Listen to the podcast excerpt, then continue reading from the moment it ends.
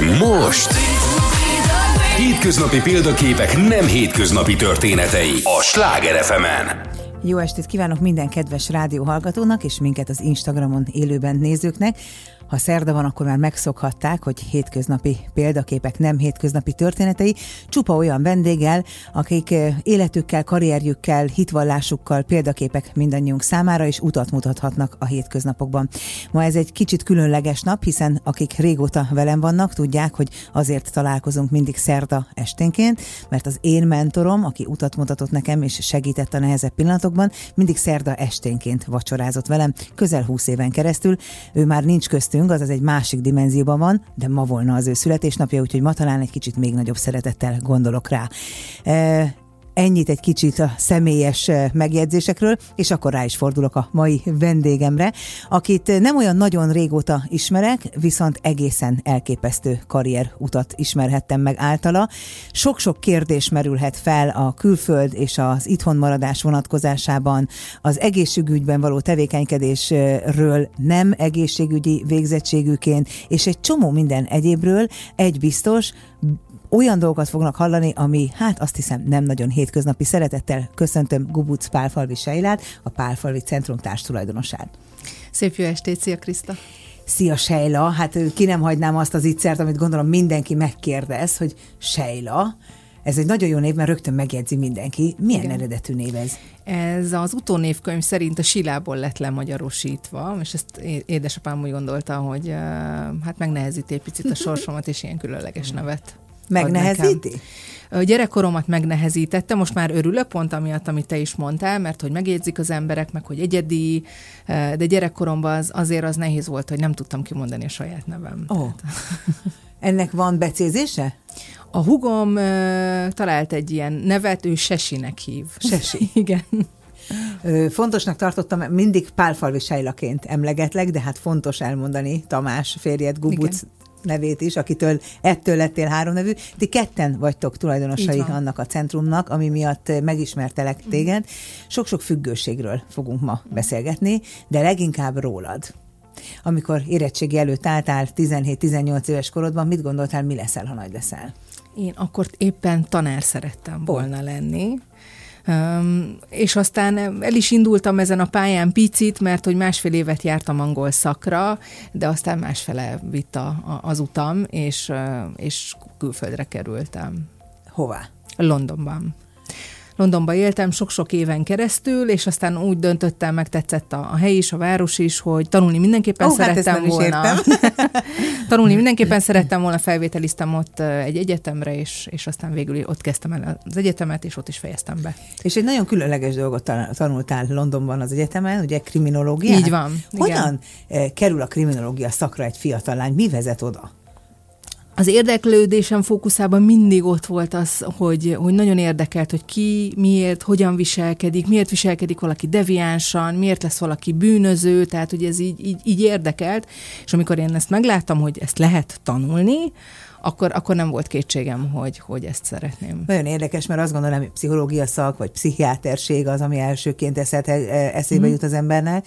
Uh, itthon kriminológiát tanulni, vagy Angliában, ez mást jelent? Annyiban mást jelent, hogy alapképzésként itthon én nem tudok róla, hogy lenne. Mesterképzésként indul kriminológia szak, viszont itthon, ha jól tudom, jogi karon tanítják, tulajdonképpen ez viszont egy társadalomtudomány, és mm-hmm. én társadalomtudományi karon is tanultam ezt. Ott diplomáztál? Igen. És mi hozott haza? Hát most mondhatnám azt, hogy a honvágy, mind, tehát hogy ez természetes volt. Én soha nem is terveztem úgy, hogy kint maradok. Én imádom Magyarországot, én nagyon szeretek itthon élni, mindig is nagyon szerettem. Picit kitekintettem, körbe néztem, tanultam, tapasztalatot gyűjtöttem, és ez nem volt kérdés, hogy Mi lett az osztálytársidból, vagy évfolyam társidból? Nem lett valaki például az FBI vezetője? Vagy? Nem tudok róla, nem tudok róla. Meg úgy, aztán ugye a kriminológián belül elmentem, még, még kicsit szükítettem az érdeklődési körömet, a szakirányomat, és aztán itthon ezt folytattam hm. tovább. Ma egy olyan egészségügyi központot vezetsz, vezettek, uh-huh. ami a függőségekről szól, uh-huh. és amikor először beszélgettünk erről, uh-huh. akkor rögtön azt kérdeztem tőled, hogy de van-e olyan klinika Magyarországon, mint Amerikában látjuk, hogy uh-huh. a sztárok elvonulnak három uh-huh. hónapra, és akkor lejönnek a drogról vagy az alkoholról, és mondtad, hogy van ilyen. De hát nyilván nem ez a mindenki számára elérhető. Amikor függőségről beszélünk, Akkor az alkohol jut mindenkinek mm. először az eszébe, de hát még sok minden egyéb Igen. is van. Milyen függőségekkel Igen. küzdünk? Hát, hogyha kémiai szereket vesszük, akkor a nikotin, az alkohol, ez ugye a legköztudottabb, úgymond, de nyilván a viselkedés függőségekről beszélünk, akkor pedig ott van a játék, ott van a munka, szerintem a, a munkafüggőség, az, azzal nagyon terheltek vagyunk, aztán ott van az étel például, tehát az ételfüggőséget is uh, ide sorolnám mindenféleképpen. Van olyan ember, akinek nincs függősége? A diktológiai értelemben egyértelműen van, és ők vannak többségben. Csak ugye a köznyelvben ez a függőség szó, mindenre rámondjuk, hogy függő, hogyha valami nehezen szabadulunk, vagy, vagy nagyon nagy szenvedéllyel csináljuk, és ez köznapi értelemben ez így teljesen oké, okay, de, de diktológiai értelemben teljesen más jelent a függőség valami olyat, amit csinálunk, és ezzel ártunk önmagunknak? Önmagában még ez sem elég uh-huh. ez a kifejezéshez, ez sokkal több annál. A függőség azért egy, ez az már egy betegség. Tehát, hogyha most visszatérünk mondjuk akár az alkoholra, ott már egy olyan függőségi viszony van, ahol az idegrendszer már, hogy mondjam, zavar jeleket küld, hogyha nem kapja meg azt az adott szert. Kapaszkodjunk bele az alkoholba. Ja. Nagyon sokan mondják azt stresszes munkakörben, uh-huh. magas vezetői pozícióban, vagy akár nem is kell ehhez magas, hogy alig várom, hogy este legyen, és uh-huh. felüssek egy üveg bort, uh-huh. és megigyak egy pohár bort, uh-huh. vagy kettőt. Uh-huh.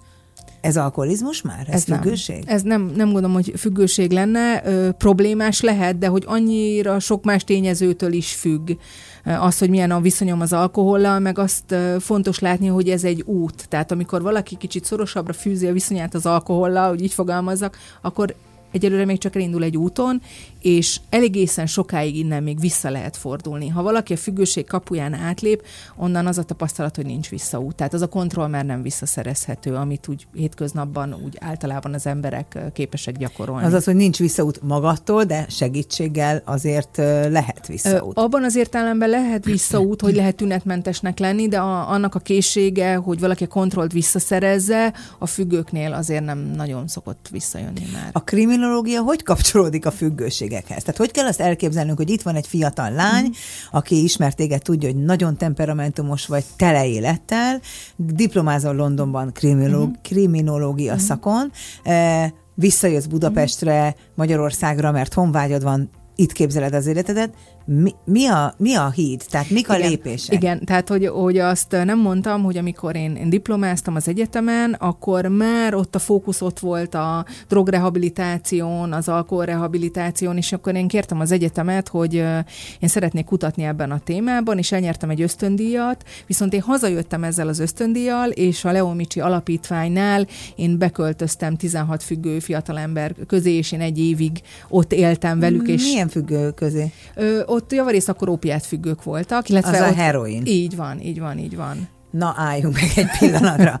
Tehát hazajössz Londonból, és egy alapítványi program, de ez volt a program, hogy beköltözhettél, vagy a program egy oktatási program volt, Nem. de te be akartál ez egy, ez egy olyan rehabilitációs intézet volt, ahol életvitelszerűen 10-12 hónapig éltek függők, és ők ott épültek föl, és én ide, hát ez is egy történet, hogy hogy könyörögtem be magam, de az akkori vezető Kelemen Gábor, illetve Mihaldinec Csaba jó voltából ők az én, én mentoraim vagy mestereim, ők, ők megengedték azt az egyetem támogatásával, hogy én oda beköltözzek, és életvitelszerűen én is ott éltem a, a függőkkel, és így résztvevő megfigyelőként én, én ott tapasztalhattam azt meg, hogy hogy működik a felépülés.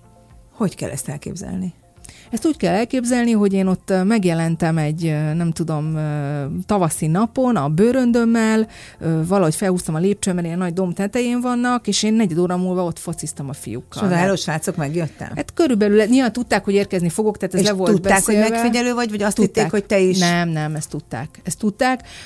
Ezzel együtt én nekem úgy kellett ott élnem azok szerint a szabályok szerint, amik szerint ők éltek, tehát hogy elég szigorú napirend van, struktúra van, szabály van, hogy mit lehet használni, mit nem, és ennek nekem is meg kellett felelni, tehát hogy ott nem bonthattam a rendet, de én ennek minden percét imádtam. Nekik pokoli nehéz lehet ebben az időszakban. Tehát a, a leszokás az egy fájdalmas, fizikailag is akár folyamat, gondolom én, ezzel is küzdöttek? Vagy ezzel már ez, akkor nem? Ezzel is küzdöttek. A fizikai részén azt gondolom, hogy nagyon nehéz, de mégis a könnyebb része. Tehát az, aki ott az intézményen belül jött le ezekről a szerekről, az jó pár napig vagy egy hétig valóban rosszul volt, de a, a pszichés függőség, a lelki függőség, én azt gondolom, hogy sokkal tovább, hogy mondjam, fogva tartja az embert, mint a fizikai. Hát ugye erről, a, aki picit is hallott már róla, az a Toxikoma című könyv mm. és film Szabó Győző tollából való, ahol azért ennek a legmélyebb bugyrait is megismerteti, ugyanakkor azt is elmondja, ami a magasságok voltak. Nyilván ezért is ilyen nagyon nehéz letenni. Oké, okay, ez a dolog. Ja. Mit tanultál ott? Azt, hogy nincs lehetetlen, azt, hogy, hogy igenis léteznek radikális személyiségváltozások, és lehet változni, azt, hogy ezek az emberek azért javarészt már úgymond elérték a, hát sok-sok mélypontot megtapasztaltak az életükbe, de nyilvánvalóan a karrierem további szakaszán azért azt is láttam, hogy nem kell mindenkinek elérni a mélypontot ahhoz, hogy fel tudjon állni, és nincsen lehetetlen és reménytelen. És, és megtanultam azt a fajta hozzáállást. A, tehát én eleve mondjuk egy empatikus ember vagyok, én azt gondolom, hogy nem is lehetne ezt a szakmát másképp csinálni, de hogy, hogy mégis ezeket a készségeket vagy tulajdonságokat azért ott tovább tudtam fejleszteni, meg tudtam tovább Itt vinni. fogalmazódott meg benned, hogy akarsz egy ilyen intézetet? Nem. Itt fogalmazott... Marhára érdekel, hogy hogy jön ez, e, mint ötlet? Nem itt fogalmazódott meg bennem, itt az fogalmazódott meg bennem, hogy biztos, hogy ezzel akarok foglalkozni. Én onnan egyébként még tettem annyi kitérőt, hogy én közben dolgoztam multinacionális cégnél is, és én közben végeztem is az iskolákat. Mint micsoda? A multinál? Én egy középvezetői státuszban voltam, meg, meg szakértői státuszban. Mert azért mondom, akkor ki kriminológusként volt? Tehát mondjuk a, az egyik bevásárlóközpontban a zseptól vagyok elemzésére? Nem, nem, nem, az teljesen szakmán kívüli. A, jól beszéltem angolul, okay. és, és, és aztán így, így, így tudtam dolgozni. De én közben végeztem az iskolákat, tehát én az addiktológiai konzultáns képzést megcsináltam a Szemelvesz Egyetemen, aztán a Pécsi Egyetemen a reflektív addiktológiai képzést, akkor utána családterapeutaként diplom diplomáztam, tehát hogy közben ugye, ahogy teltek az évek, én tanultam is, és aztán, amikor elkerültem a multivilágból, akkor lettem először vállalkozó, de nem voltam elég bátor, és én más embereknek dolgoztam úgy, mond be. Uh-huh. És ö, ott is azzal kellett szembesülnöm, hogy én nem vagyok jó végrehajtó, tehát hogyha én valamiről azt gondolom, hogy az úgy nem oké, vagy én azt másképp csinálnám, vagy, vagy nem helyes, akkor én, én nem, tehát én nem tudok megalkudni, és nem tudok jó katonaként működni, és ebből adódóan azért voltak konfliktusaim, és akkor rá kellett arra jöjjek, hogy akkor azt úgy kell csinálni, ahogy én elgondolom, ennek egyetlen egy módja van, hogy megcsinálom a sajátomat. Ah. Úgyhogy tulajdonképpen egy ilyen konfliktus Kerülés. A, igen, igen, igen. És aztán hazamentem, és mondtam a férjemnek, hogy figyelj Tamás, akkor most mi ezt megcsináljuk. Szegény férjem ott ült, nézett Aki rám. mivel foglalkozik? Ő katasztrófavédelemnél dolgozott. Akkor. Micsoda család? A kriminológus és a katasztrófavédelem. Ez már meg nagyon bizarr. Igen, igen. És akkor mondta Tamás, hogy jó, és de én kérdeztem, hogy úgy, de Tamás, ugye elhiszed, hogy én ezt meg tudom csinálni. És mondta, hogy hát persze, de hogy biztos, De lett hogy... volna lehetőség azt mondani, hogy nem, nem ezt nem, nem csináljuk volna, nem, nem, le, valószínű nem lett volna rá lehetőség, és aztán akkor mi elmentünk, emlékszem, nyaralni, és visszajöttünk a nyaralásba, és akkor teljes gőzzel minden energiánkat erre, erre fordítottuk, hogy akkor egy olyan intézményt csináljunk, ahogy, amilyet, amilyet én elképzelek, és hogyha abban valami nem úgy működik, ahogy szeretném, akkor csak magamat tudom hibáztatni. Ez mikor nem. történt? Hogy... Ez 2017-ben. Hát akkor ez olyan nagyon régi Nem, történet. ez öt éves, ez öt éves történet. Ö, ezt úgy kell elképzelni, hogy ekkor vettetek egy kastélyt, és ott elkezdtetek csinálni egy rehabilitációs nem. intézetet? Majdnem, nem, ezek kulisszatitkok egy kicsi, de majdnem, hogy. Nem, hát volt egy, volt egy rendelő, meg hát van is egy rendelő bázis Budapesten, ahol az állapotfelméréseket végezzük, hiszen nem mindenki jön bentlakásos programba. Legyen Ez egy ilyen járóbeteg rendes rendelés? Igen, igen, igen. Aha. Tehát addiktológiai konzultánsként ugye én egészségügyi szakdolgozó vagyok, tehát, tehát ezeket az állapotfelméréseket tudom csinálni, de nyilván utána aztán el kell dönteni, hogy annak a kliensnek mire van szüksége. Hogy arra van szüksége, hogy ő elvonuljon, és ezt egy kastélykörnyezetbe tegye, ugye egy kastélyprogramunk is fut már öt éve, vagy ez aztán közben kibővült egy kórházprogrammal is, mert hamar rájöttem arra, hogy vannak azok az esetek, amikor 24 órás nővéri felügyelet kell, illetve 24 órás orvosi ügyelet, úgyhogy ezt is megvalósítottuk, ez egy ilyen nagyon nagy lépés volt, hogy, hogy ne kelljen elküldeni a klienseket, és aztán ment minden magától. Hát azért ez ennyire nem könnyű, eleve már a vállalkozni sem könnyű, főleg az uh-huh. egészségügyben Magyarországon, főleg egy olyan területen, ahol hát azért akár ö, milyen problémával küzdködőről is beszélünk, az elején mindig az hogy én nem vagyok beteg, bármikor leteszem, bármikor abba uh-huh. hagyom, bármikor nem játszom, uh-huh. bármikor nem eszem, bármikor uh-huh. nem vásárolok, bármikor uh-huh. nem iszom. Tehát nektek nyilván azért ez egy nagyon nehéz uh-huh dolog abból a szempontból is, hogy ha viszont elhatározza magát az ember, akkor ez az elhatározás megmaradjon, a családja támogassa őt, tehát hogy azért nektek ez egy package, amit kezelnetek kell. Ez biztos, hogy így van, és amit mondtál, ez nagyon fontos az elején, hogy lehet, hogy ő még ezt nem érzi problémának, vagy nem úgy érzi, de ezzel is lehet mit kezdeni. Szóval azt szoktam mondani, hogy ez a mi felelősségünk is így a szakmában, hogy akkor ezzel kezdünk valamit, akkor azzal dolgozunk, és akkor, hogyha valaki eljár, akkor nem minden áron az a cél, hogy én bebizonyítsam azt, amit én lehet, hogy már akkor látok, ő lehet, hogy majd öt lépéssel később látja, és azzal sincsen semmi gond. De való igaz, az nagyon jó, hogyha családot is hozzátartozókat be tudjuk vonni, a sikeresség is azt gondolom, hogy sokkal nagyobb, szóval sokkal nagyobb esélye van valakinek felépülni, hogyha van egy támogató közeg. Mi van azokban a helyzetekben, amikor az, az aki éppen függő, egyáltalán nem gondolja magát függőnek, nem érzi, hogy segítségre szorulna, de a környezete nagyon is így látja. Uh-huh. És mondjuk ők döntenek úgy, hogy hozzátok fordulnak, uh-huh. akkor tudtok nekik segíteni, tudtok mondani olyan idézőjelbe téve varázsmondatokat, amit kell mondani a uh-huh. bajban levőnek, vagy pedig vele kezdtek el dolgozni, mint családtag, barát, ismerős. Uh-huh. Hogy kell ezt elképzelni? Mindkettő. Nagyon sok telefont kapok, tehát hozzátartozók nagyon gyakran telefonálnak, és akkor néha tényleg idézőjelbe a csakot csak annyi a szerepem, hogy telefonon elmondjam, hogy itt már lehet mondjuk, hogy hatóságot kell értesíteni, ha mondjuk gyerekről van szó, és veszélyeztetett. Ilyen, ilyen értelemben vannak varázsmondatok, de hát nagyon sokszor tényleg azt kell mondjam, hogy nekik kell dolgozni azon, hogy az ő hozzáállásuk változon, ami nagyon nehéz, ugye, mert akkor ilyenkor felteszik a kérdést, hogy miért az én hozzáállásom változzon, amikor a, a másik ember az, aki, aki valamilyen függőséggel terhelt, és azt szoktam mondani, hogy ez egy, ez egy olyan, mint a, mint, a, mint a dominó, tehát hogyha itt lököm meg az elemet, akkor az hatással van a következő elemre is, hm. tehát hogy ez egy rendszer, és hogyha a hozzátartozók ebbe fektetnek munkákat, akkor, akkor ez sikeres szokott lenni. Ö, társadalmi szinttől függetlenül ér minket a függőség? Igen csak másképp. És hogy ezért is élnek ezek a sztereotípiák, amit én nagyon-nagyon sajnálok egyébként. Tehát, hogyha azt mondjuk, hogy függő, akkor van előttünk egy kép, hogy hogy néz ki ez az ember, hogy valószínű sikertelen, valószínű, nem tudom, már demens, tehát, hogy van egy kép. Koszos, igen, szagos, igen. És abszolút nem így van, abszolút nem így van. Tehát, hogy ez társadalmi rétektől függetlenül nyilvánvalóan ezek a kirívó példák azért is lehetnek, mert hogyha valaki eleve hátrányos helyzetű vagy rosszabb az egészségügyi állapota, akkor látványosabb az, hogyha, hogyha mondjuk a függőségben szenved. De nem, ez, ez tehát hogyan nincsen ráírva a homlokunkra. Azért a legtöbb problémával rendelkező emberről, bármilyen függőségről legyen szó, nem látni. Hogy függő. Így van. Nem látni, vagy hogy problémája van egyáltalán. Tehát, hogy amikor ezek a jelek már, ö, ö, hogy mondjam, látványosak, akkor már valószínűleg egy súlyos függőségről van szó. De amúgy ezeket nem látjuk. Köztünk élnek, ö, értelmiségek is lehetnek, jómódúak is lehetnek, tehát, hogy, hogy bárki, bárki érintett lehet.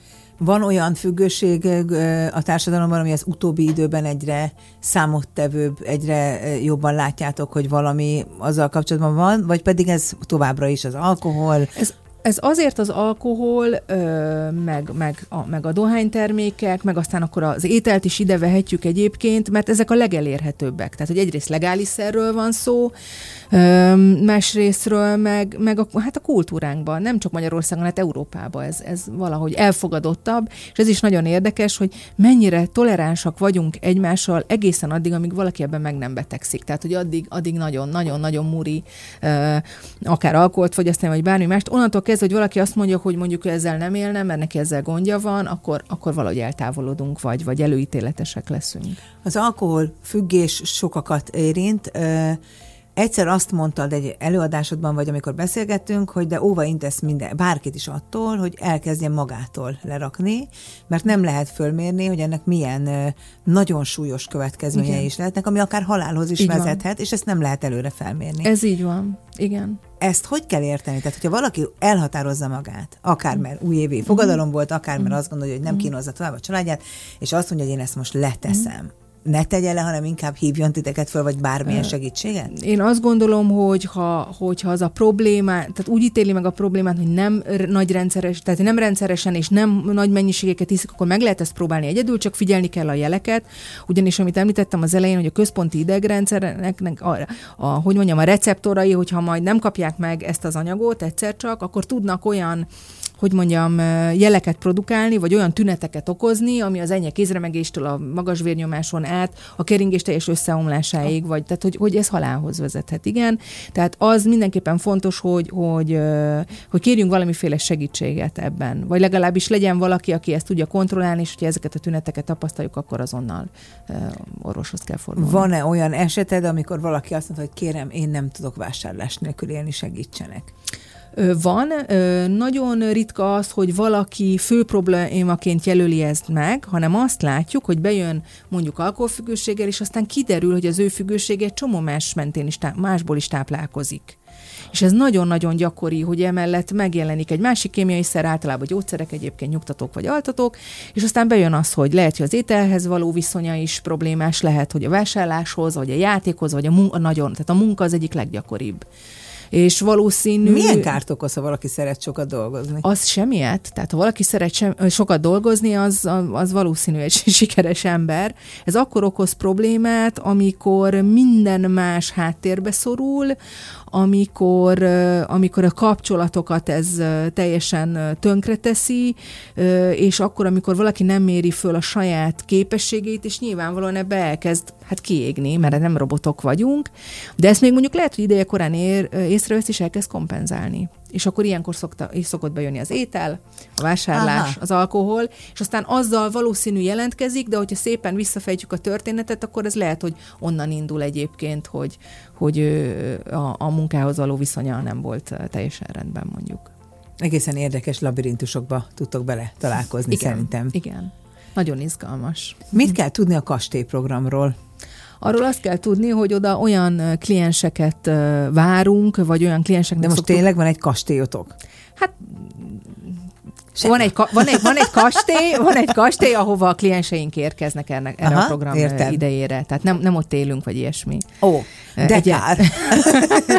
és, és azoknak az embereknek szoktuk ezt kiajánlani, akinek arra van szükség, hogy egy picit izoláltabb környezetbe kerüljön, a mindennapi, hogy mondjam, a megszokott életritmusától egy picit eltávolodjon, pár hétig ott van, az egész terápiás csomagot oda visszük, ez általában egy három-négy hetes program, nagyon intenzív, tehát ezt úgy kell elképzelni, hogy délelőtt kétszer másfél óra, délután kétszer másfél órába különböző terapeuták mennek hozzá, és csak vele foglalkoznak. Tehát nálunk nincsen csoport.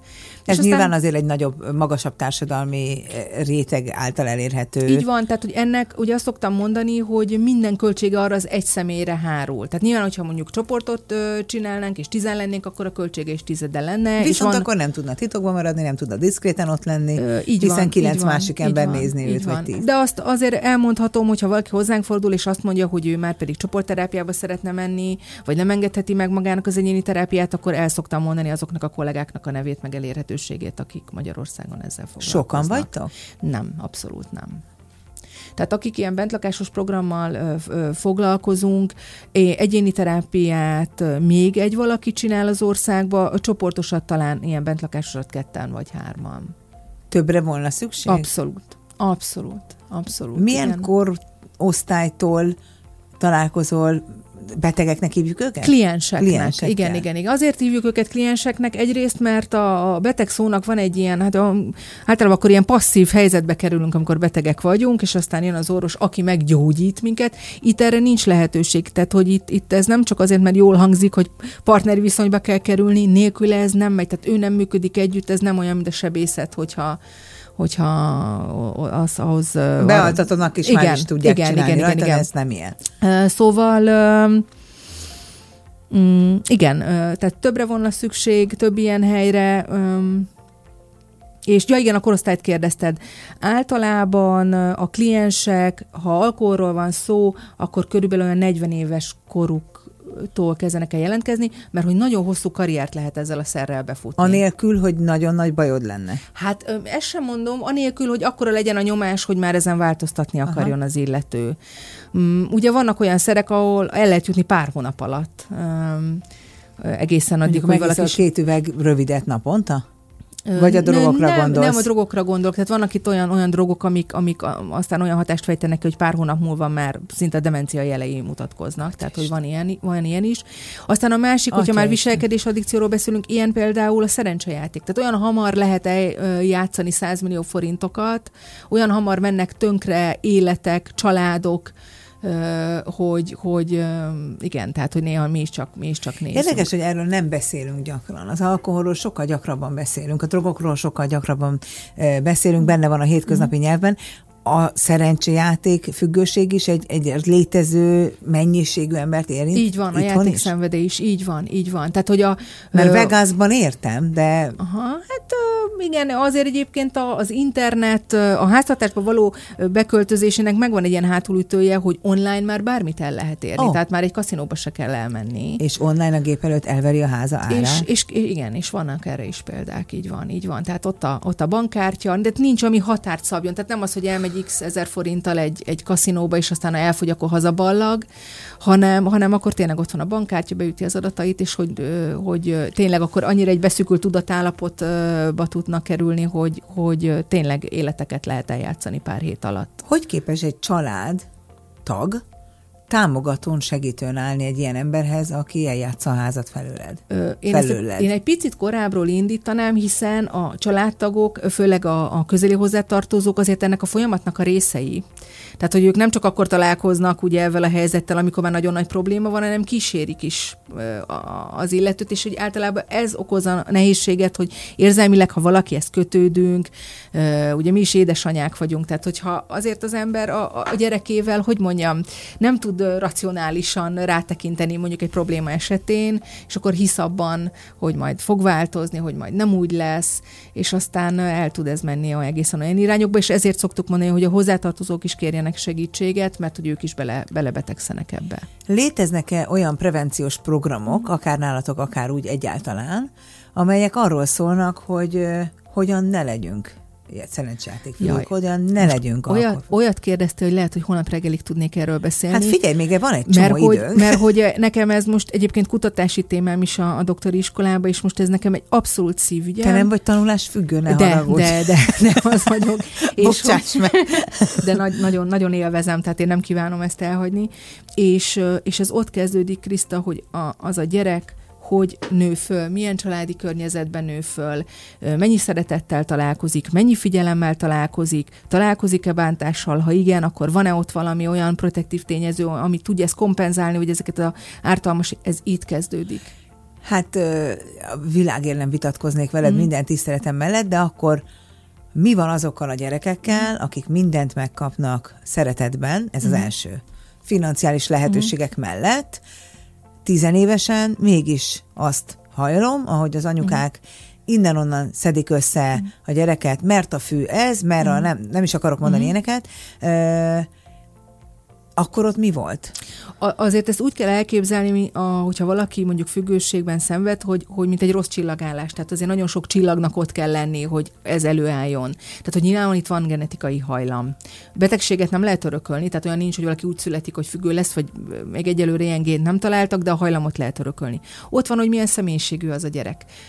Hogyan születik erre a világra, hogy, hogy szorongó típus-e, aztán ott van az, hogy mikor találkozik a ezzel a szerrel, és aztán erre rakódik rá, amit én mondtam, mert hogy itt látom egyébként azt, ami én azt gondolom, hogy a legjobban tudja védeni, vagy, vagy kockázati tényezőként, hogy mondjam, lökni a függőség felé a, a, a gyereket, és a másik, amit mondtál, hogy az, hogy mondjuk egy kamasz ezeket a szereket kipróbálja, még nem jelenti azt, hogy függő vagy függővé fog válni. Ez nagyon jó, hogy ezt mondod, mert minden szülő legnagyobb rettegése, ugye ez, hogy ne legyen drogos, ne kerülj uh-huh. rossz társaságba, uh-huh. de egymást froclizzák, uh-huh. nem mered uh-huh. kipróbálni, stb. Képzeld el, most belét kell folytanom azaz magamba a szót, mert nagyon gyorsan eltelik fél óra. Uh-huh. A rádió hallgatóink most híreket, időjeles jelentést és közlekedési információkat fognak hallgatni, mi pedig beszélgetünk itt tovább.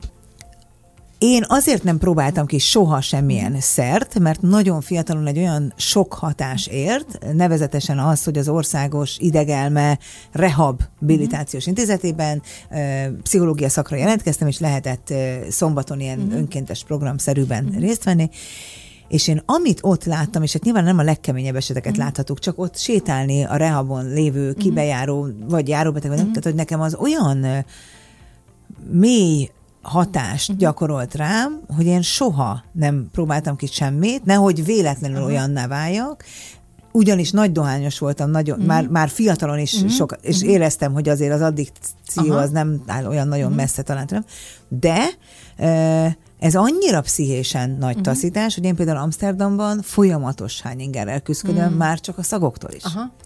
Hogy ez nem egy jó dolog, hogy mindenkit bedobni a mélyvízbe 15 évesen, hogy ezt okozza a fiam, nézd meg. Szerintem nem. Oh.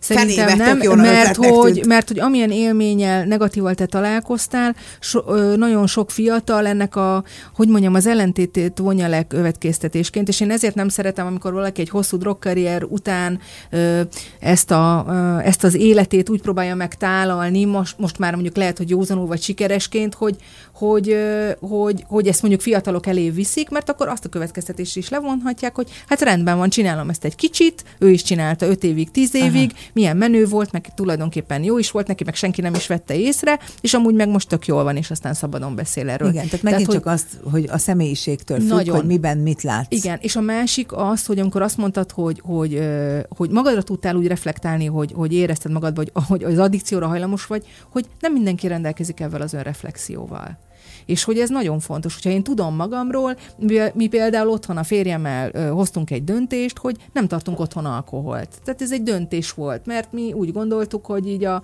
családunkba végignézve lehet, hogy mi jobban járunk, hogyha mondjuk De otthon. érdekes, Igen. amit mondasz. Igen. Közben azt kérdezi egy hallgatónk, és most úgysem vagyunk a rádióban, csak az interneten, Igen. hogy hol vagy megtalálható a Pálfalvi Centrum honlapján, tehát a www.pálfalvicentrum.hu honlapon megtalálnak, ott van a telefonszámom, közvetlenül engem lehet elérni. Igen, azon. én azt érzem, hogy valakinek te vagy szimpatikus, tehát veled szeretne beszélgetni, tehát ott megtalálható így vagy van, a honlapon. Így van.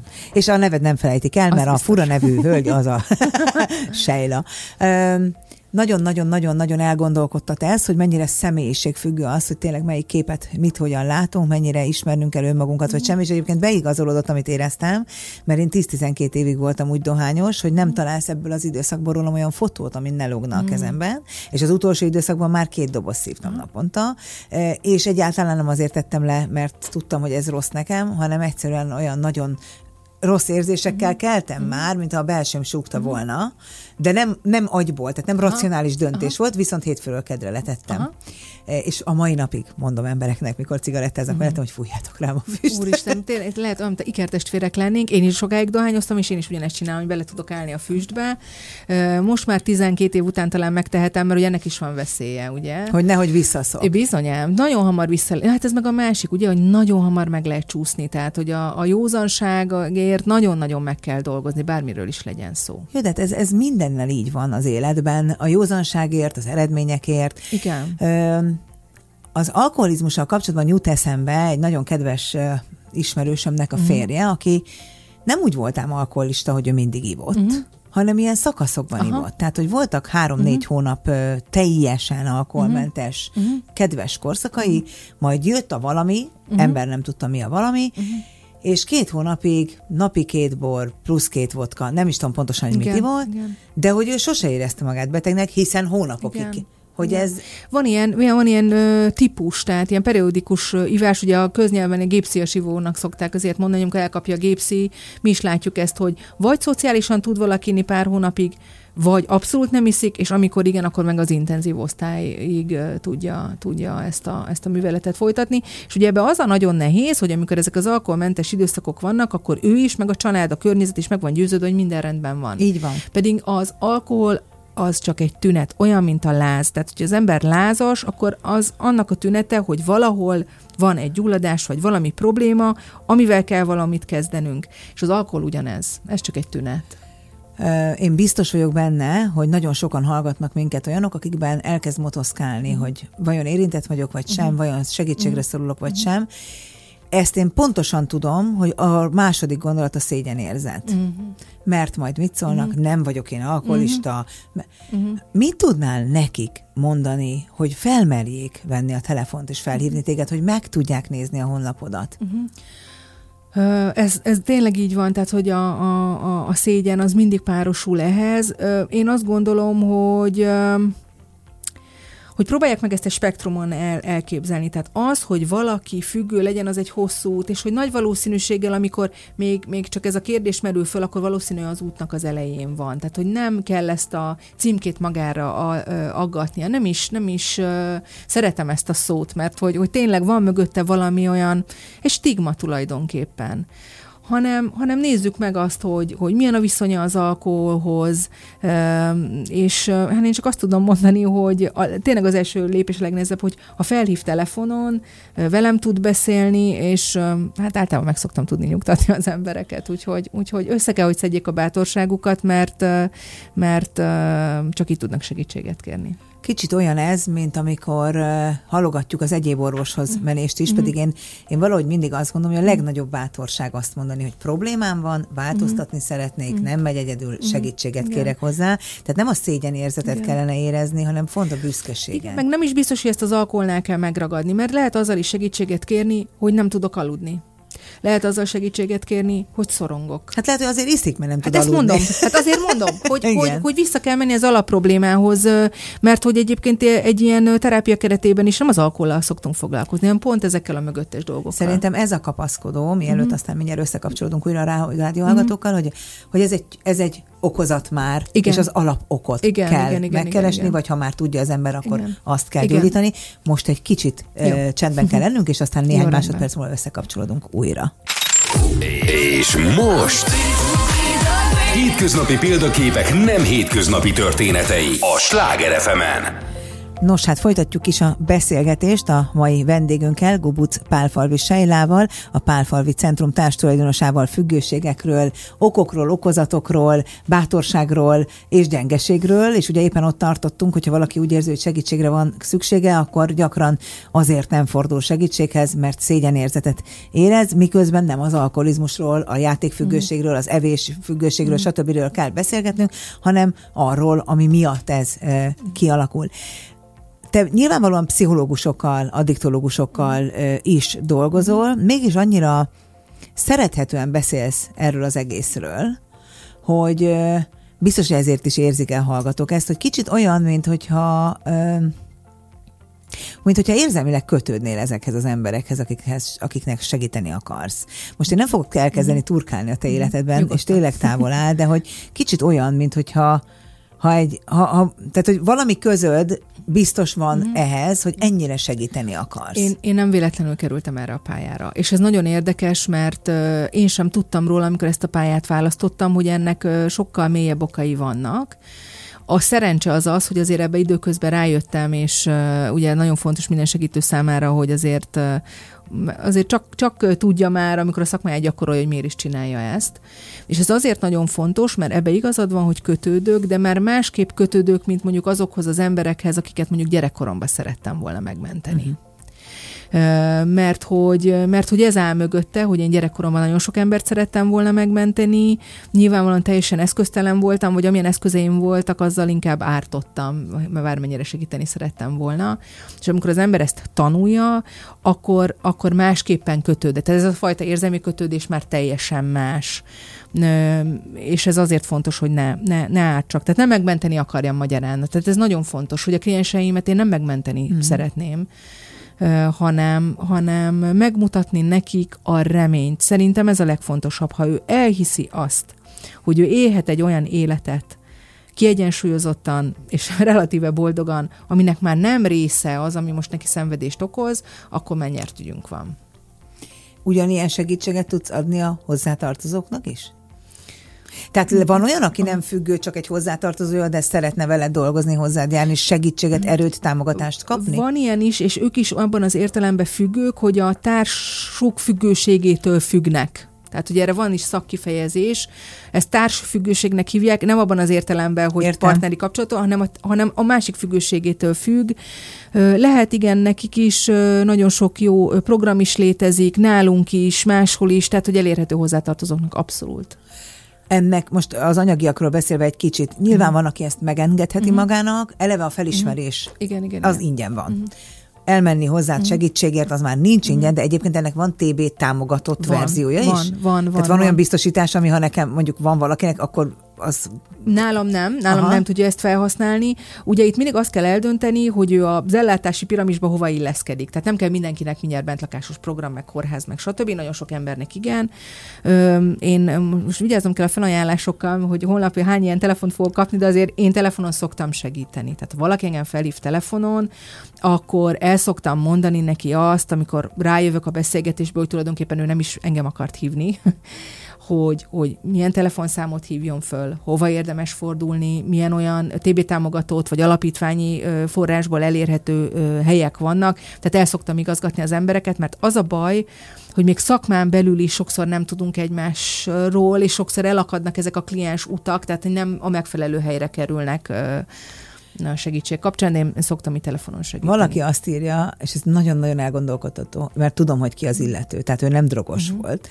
De jó lett volna nekem egy ilyen segítő, amikor a morfium gyógyszerekről kellett lejönnöm.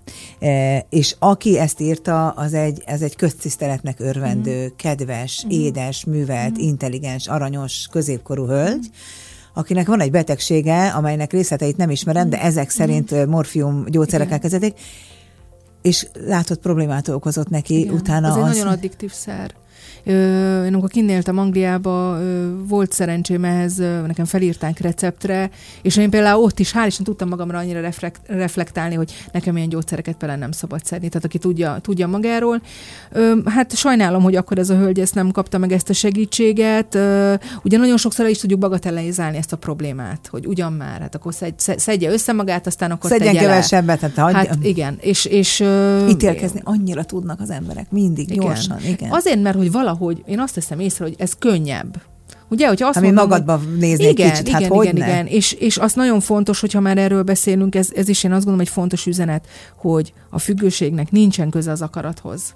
Tehát én szoktam hallani, hogy mert hogy ez fejbe dől Hú, de el. érdekes, mert mondasz. Mert egyébként erre én is hajlamos vagyok, hogy hát tegye le. Nem, nem, nem. Tehát az akarat, azt szoktam, hogy szükséges, de nem egészséges. Az akarat az nyilván arra kell, tehát hogy valamiféle szándékot kell arra mutatni. De nem, nem azt szoktam, hogy nem kell ott letenni a nagy esküt, hogy valaki nem használ soha többet szert.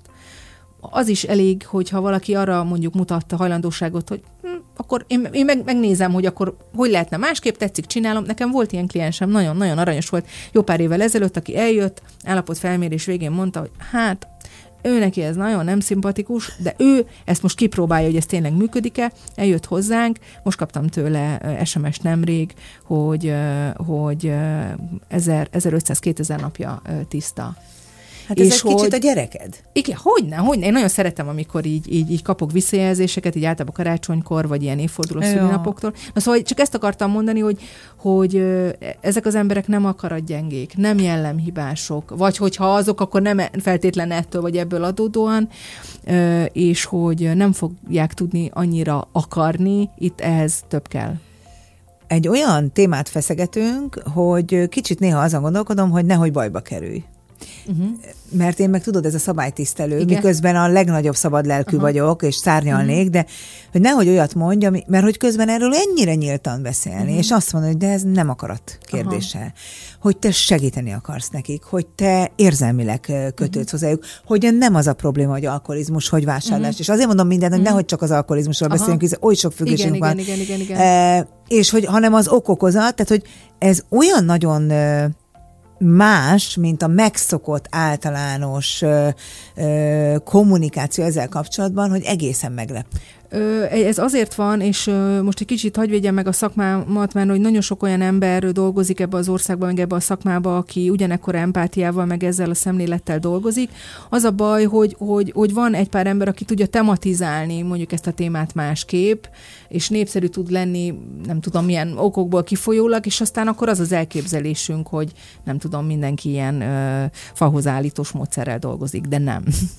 Hát igazából téged kellene akkor mindenféle televízió műsorokba hívogatni, Lehet. meg rádió műsorokba, mint ebbe is, mert, mert biztos nagyon fontos tök szem, több szempontot ö, megnézni. Mi van a fiatal lányok és az evészavar, és a, az evés függőség és az ételhez való egészen romlott viszonyok És kérdésével? sajnos, sajnos már nem csak a fiatal lányok, hanem fiú, fiatal fiúk is érintettek, illetve hát az egész társadalom érintett szerintem. Ugye fontos az is, hogy ez is egy spektrumon megy, vannak, itt, vannak olyan evészavarok, amik nagyon komoly, akár kórházi ellátást is igényelnek, akár itt az anorexiáról beszélek, vagy a, vagy a bulémiáról, de a spektrumon nézzük, nyilvánvalóan például a túlevés, a kontrollvesztő evés, az nagyon nagy probléma. zugevés. A zugevés. Eb- Ebben van. például vannak tapasztalataim, akármennyire is szégyellem ezt. Ma már nincsen, Mhm. és ugye én erről úgy beszélek, hogy én már meggyógyultam, Mhm. mert egészen normális viszonyom van az étellel, de hogy ma már így egészségesen, visszanézve Mhm. néhány évvel ezelőtt, amikor azt gondolom, hogy hát én nem is eszem semmit, mitől izom, Hát azért egészen durva kalóriát tudtam magamba tömni, nagyon gyorsan. Aha. hogy nehogy meglássa valaki, és képes voltam a papírokat elhelyezni a szemetes kuka alján, hogy azt se lássák. Hogy, tehát, hogy ez valami egész embertelen őrület. Én, én köszönöm, hogy erről ilyen nyíltan beszélsz, mert szerintem, hogy ezzel fognak a stigmák így lekerülni, én biztos vagyok benne, hogy most a rádió hallgatók közül egy csomóan azt mondták, hogy úristen, de hát én is ebben vagyok benne. És Én erről is... ezért beszélek Aha. ennyire nyilv, nyilvánosan, meg nyíltan, mert rólam mindenki azt látja, hogy hú, nagyon sikeres, jaj, szegény a betegsége miatt meghízott, ami így is van. Az egy más kérdés, hogy hány orvos mondta nekem azt, hogy hmm. Auschwitzban nem voltak kövér emberek. Ja, meg, jaj, Istenem, maga ezt- úgyse tud lefogyni, amíg ilyen Aha. beteg, de most ezt hagyjuk Aha. is. Én, én rájöttem arra, hogy ez hány embernek kapaszkod, hogy igenis, ma Igen, már tudom, igen. hogy zugevő voltam. És hogy, hogy fontos, hogy ezeket felismerjük. Ugye tudni kell, hogy a, a tagadás nagyon sokszor megjelenik. Tehát amikor te azt mondod, hogy akkor ennek nem is voltál tudatában, ugye ez nem az a fajta tagadás, hogy tudok valamiről, de letagadom, hanem ez egy ilyen énvédő mechanizmus, hogy ettől tud megmaradni ez a viszonyom az étellel, hogy, hogy tulajdonképpen én is egy ilyen álomvilágba ringatom mondjuk magam annak kapcsán, hogy, hogy milyen az ehhez fűződő viszonyom. És ugye azért azt tudni kell, hogy a legtöbb, vagy nem a legtöbb, bocsánat, tehát hogyha statisztikát nézzük, akkor körülbelül fele-fele az aránya azok közül, akinek mondjuk túlevésbe szenved, de nem mindenki túlsúlyos, mert nagyon sokszor a túlevés úgy jelentkezik, hogy szakaszokba. Aztán ugye pont, hogy megvonja magától az ételt, vagy amiről talán mi már beszélgettünk is, hogy, hogy ugye, hogy éhezni is megy, meg túl lenni is megy, de a kettő között ezt az a egyensúlyt meg nem találom. az ne. Ah, Mhm, abszolút. Igen, a Na, kontroll, is hát ugye a kontrollnak a voltam. hiánya. Hát nagyon Igen. nagy mester. De ezt tudod, Igen. mi van utána az evés? És ha ebben megint csak valaki magára ismer, akkor én megint arra ö, bíztatom, Mm. hogy, hogy keressen meg titeket, hogy koplasz, koplasz, koplasz, koplasz, nézed a mérleget, nézed, Mm. nem megy, nem megy, nem Nem megy? Na akkor viszont legalább együnk, és akkor viszont mindent magadhoz veszel, mert úgy érzed, hogy neked ez jár, jutalmazod magad, hisz egész gyerekkorodban az volt, hogy ha megeszed a nem tudom mit, kaphatsz csokit, ha megcsinálod a házi feladatot, ehetsz vacsorát, Igen. tehát hogy ezek ilyen Igen, nagyon... Igen.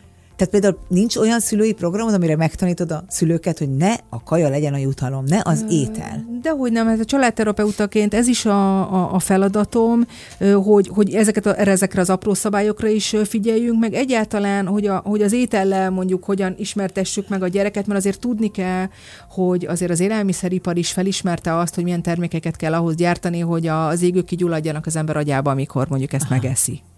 Tehát, hogy, hogy azért elég, eléggé sok addiktív kaja van, amire tényleg rá lehet úgymond, úgy, úgymond kattani, és szerintem nagyon fontos, hogy mivel ismertetjük meg a gyereket, amikor pici, mit szok, szokik meg, és aztán később igen, hogy ez tud-e így működni. Te Én is nagyon emlékszem- tudatos vagy a gyerekeddel ebben? Ö, próbálok. Ez nem mindig, nem mindig, ö, igen, ugye a... a, A kis olyan- herceg. igen, ez nem mindig olyan egyszerű, mert ugye azt gondolják, hogy az ember akkor szakmabéli, akkor biztos minden taf, Hát tankönyvszerűen. kérdezem, hát nem, nem, vagy. nem, az abszolút ne, de, de tudok rá erre később reflektálni, hogy ezt lehet, hogy nem így kellene, vagy megbeszéljük a férjemmel, hogy akkor ezt mondjuk másképp. Például mi hozzáadott cukorral lévő ételeket nem adunk a gyereknek. Ez nem azt jelenti, hogy elmegyünk nyaralni, és ott akkor megkínálják valamivel, akkor kiverjük a kezéből, mert ez nem szeretnénk, hogy steril, steril Hát meg körülmények akkor között. jobban vágyik rá, mert izgibb, nem? Igen, nyilvánvalóan nem azt szerettük volna meg, hogy egy másfajta ízvilágot, vagy például én, amire gyerekkoromból nagyon emlékszem, ugye ez a, addig nem ehetek mondjuk édességet, amíg nem ebédeltem meg. Na de hát a megebédelek, ugye már nem vagyok éhes, tehát Hát mondjuk én láttam olyat, nem kell nagyon messzire Igen. nézni, aki tud enni édességet ebéd után, ha akar. Igen, én, Tehát, én, hogy- én, nekem a, emlékszem, amikor a férjemmel összekerültem, akkor, és akkor először elmentünk így vacsorázni, és így megvacsoráztunk, és akkor kérdeztem, hogy mit teszünk desszertet, és rám nézett, hogy de te még éhes vagy. És mondtam, hogy nem, de hát A most jön desszert, az desszert. Igen. Igen. Na szóval, hogy nem, nem könnyű, azért, mert az ember szakemberi, ettől függetlenül nekem is dolgom van magammal, én is terápiába járok, tehát nekem is fontos, hogy az én lelkem is legyen Egyébként tartva. nem csoda, tehát hogy szerintem amennyi, mm. most függetlenül a saját életettől, mm. de amennyi problémát, kihívást, mm.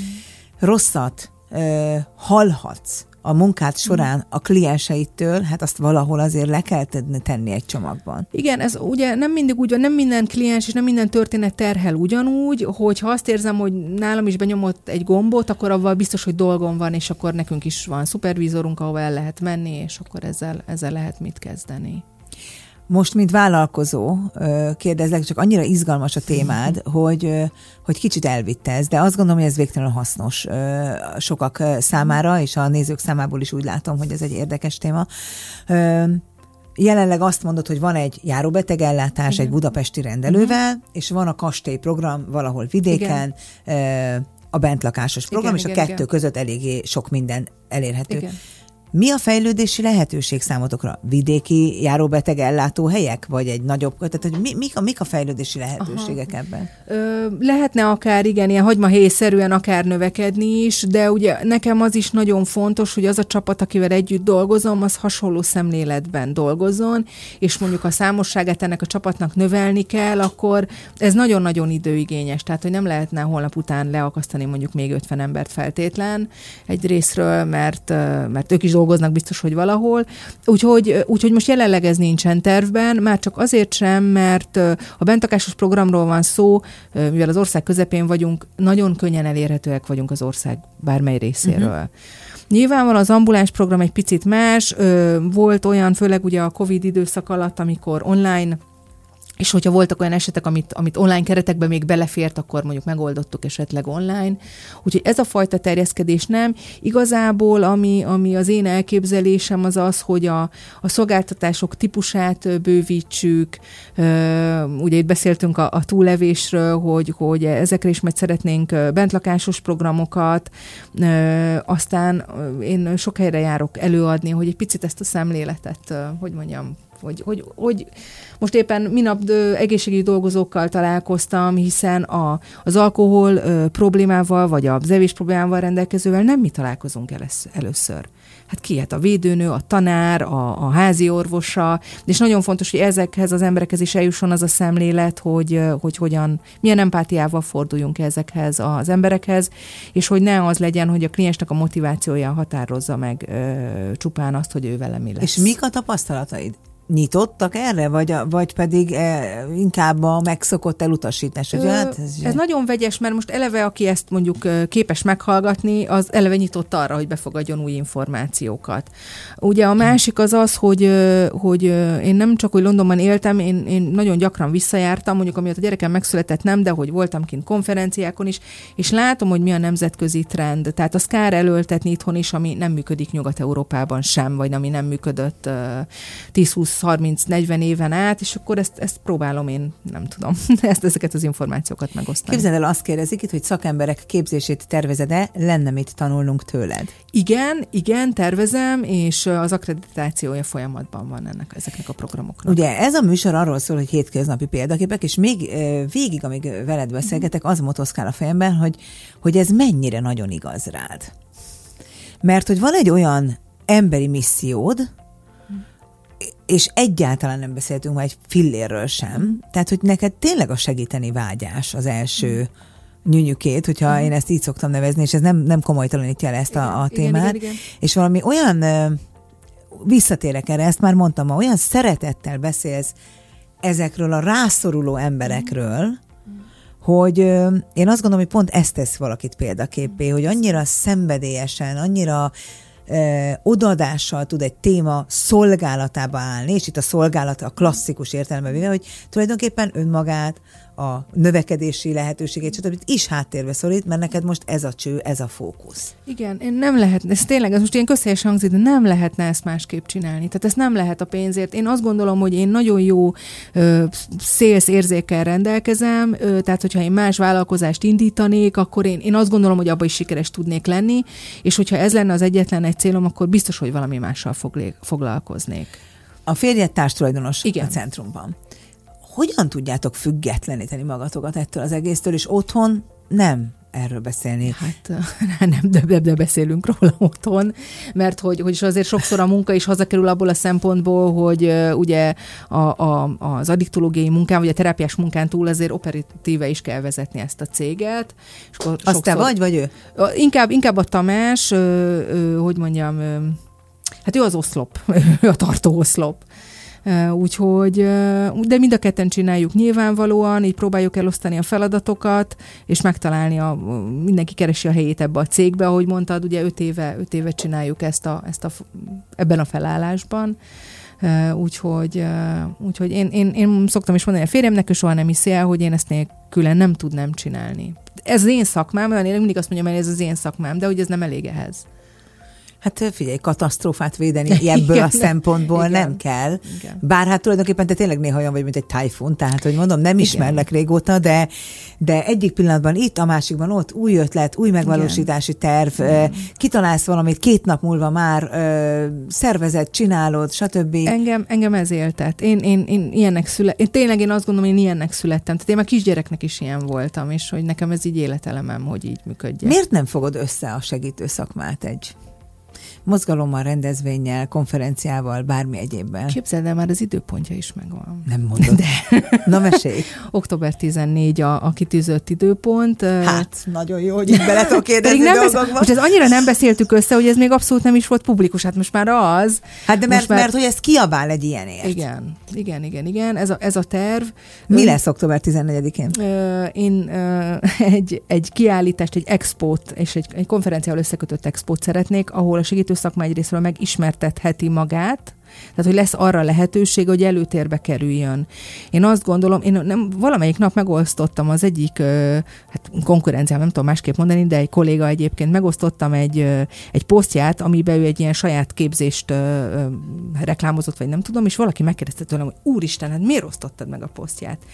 És én hiszem azt, ugye arról beszéltünk, hogy a, magyar, a, a, a magánaddiktológiának is nőni kellene még, hogy nekünk össze kell fogni, és hogy együtt lehetne együtt lehetne nagyobbnak lenni, mert, mert az embereknek tudnia kell azt, hogy, hogy, hogy ide is be lehet csatornázódni, és hogy sok helyen lehet, sokféleképpen lehet segítséget kérni és nem kell megvárni azt, amíg az embert a mentő viszi, vagy rehabra kell mennie. Ez, tényleg ez a felelősségvállalásod is egészen, tudod milyen? Olyan, olyan nemzetközi.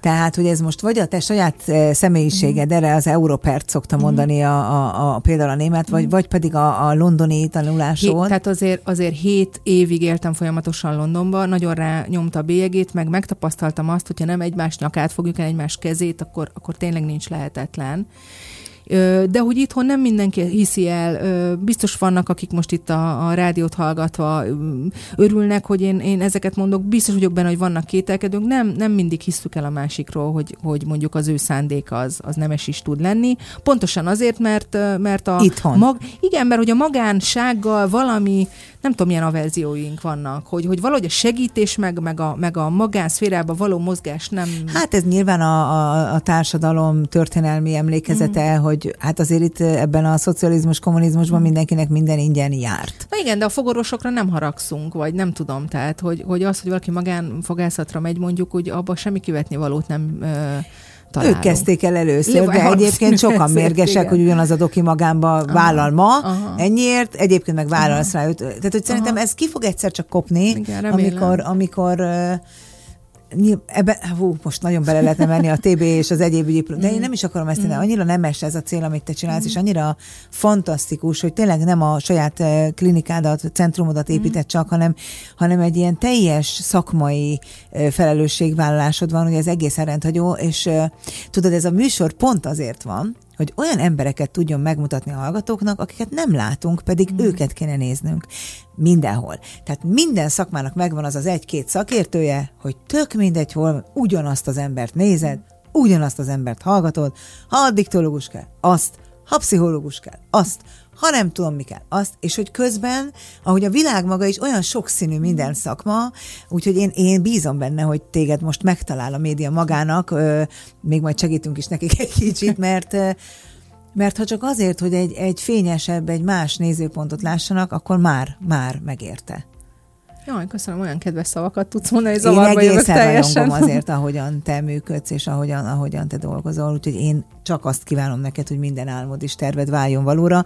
A, a, megjegyzésekből és a kommentekből az derül ki, hogy lesz holnap telefonod, lesz új kliens talán, aki, aki segítséget kér tőled, és hát az expót pedig azt hiszem itt felrobbantja a kommentfalat, mm. annyira tetszik az ötlet, úgyhogy gondolom a Pálfalvi Centrum oldalán majd lehet róla Így tudni. van, nem sokára már, már majd lehet jelentkezni. Sejla, Képzeld el, hogy ennyi volt 60 perc. Jaj, Egészen nagyon, gyorsan Nagyon-nagyon élveztem, nagyon köszönöm neked a lehetőséget is, meg egy élmény veled beszélgetni. Úgyhogy. Én köszönöm, hogy bemutathattalak, és tényleg azt kívánom az embereknek, hogy ismerjenek téged, és, és tudjanak hozzád fordulni, és tudják, hogy milyen kincsek vannak Magyarországon.